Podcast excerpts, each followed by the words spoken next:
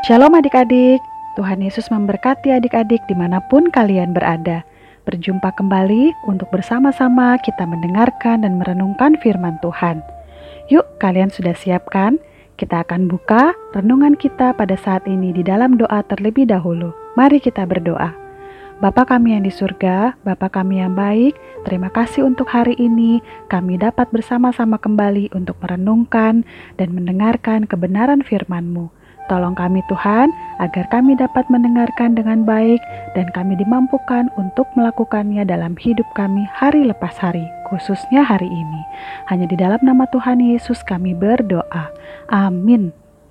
Firman Tuhan hari ini akan kita dengarkan dari Kejadian 28 ayat 10 sampai 22.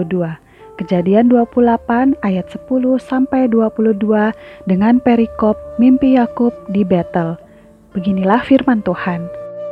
Maka Yakub berangkat dari Bersheba dan pergi ke Haran. Ia sampai di suatu tempat dan bermalam di situ. Karena matahari telah terbenam, ia mengambil sebuah batu yang terletak di tempat itu dan dipakainya sebagai alas kepala, lalu membaringkan dirinya di tempat itu. Maka bermimpilah ia, di bumi ada didirikan sebuah tangga yang ujungnya sampai di langit dan tampaklah malaikat-malaikat Allah turun naik di tangga itu.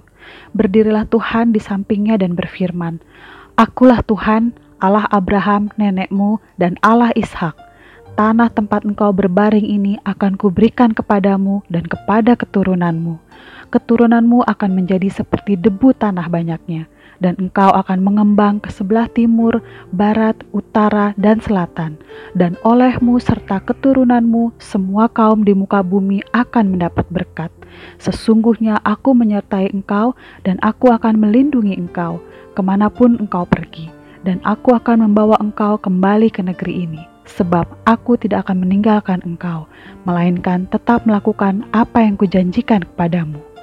Ketika Yakub bangun dari tidurnya, berkatalah ia, "Sesungguhnya Tuhan ada di tempat ini, dan aku tidak mengetahuinya."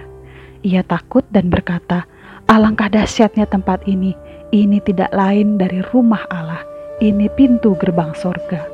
Keesokan harinya, pagi-pagi Yakub mengambil batu yang dipakainya sebagai alas kepala dan mendirikan itu menjadi tugu dan menuang minyak ke atasnya. Ia menamai tempat itu Betel, Dahulu nama kota itu Luz.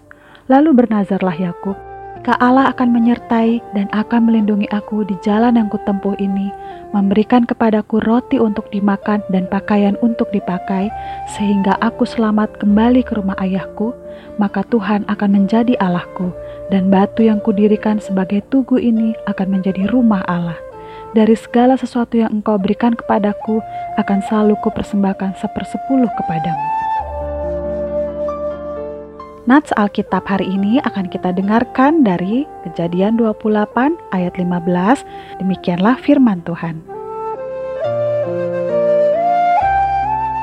Kejadian 28 ayat 15. Sesungguhnya aku menyertai engkau dan aku akan melindungi engkau ke mana pun engkau pergi dan aku akan membawa engkau kembali ke negeri ini, sebab aku tidak akan meninggalkan engkau, melainkan tetap melakukan apa yang kujanjikan kepadamu. Tokoh Alkitab kita hari ini adalah Yakub. Yakub yang tenang, dia suka tinggal di kemah suka berada bersama orang tuanya. Tapi seorang yang disayang ibunya itu akhirnya harus keluar melarikan diri dari saudaranya. Dia tak luput dari kesalahan adik-adik. Yakub sudah berbuat salah kepada kakaknya sendiri. Yakub menipu kakak dan ayahnya untuk mendapatkan berkat kesulungan dari ayahnya. Dalam pelariannya, Yakub yang selama ini tinggal dalam kemah yang nyaman, sekarang berada di alam terbuka dan tidur beralaskan batu. Namun, Tuhan tetap penuh kasih kepada Yakub, dan dalam kesendiriannya Tuhan tidak meninggalkan Yakub. Walaupun Yakub sudah berbuat salah, Tuhan tetap menyertai. Tuhan tetap mengasihi Yakub. Dia tahu bahwa Yakub akan mengalami banyak hal dalam pelariannya. Tuhan berbicara kepada Yakub, Tuhan menghiburkan dia bahwa dia akan menyertai dan akan melindunginya. Yakub menyadari bahwa Tuhan selalu bersama dia, bahkan saat dia melakukan kesalahan sekalipun. Adik-adik, menurut kamu, apakah Tuhan menyertai kita bahkan di saat kita melakukan kesalahan? Ketika kita menyadari kesalahan kita dan minta ampun kepada Tuhan, maka Tuhan akan membuka jalan bagi kita dan tetap memberkati kita. Kalian percaya itu kan? Yuk, kita bersama-sama katakan bahwa Tuhan bersamaku senantiasa. Sekali lagi ya, Tuhan bersamaku senantiasa. Mari kita tutup renungan kita di dalam doa. Bapa di surga, terima kasih karena Engkau selalu bersama kami, bahkan saat kami melakukan kesalahan sekalipun.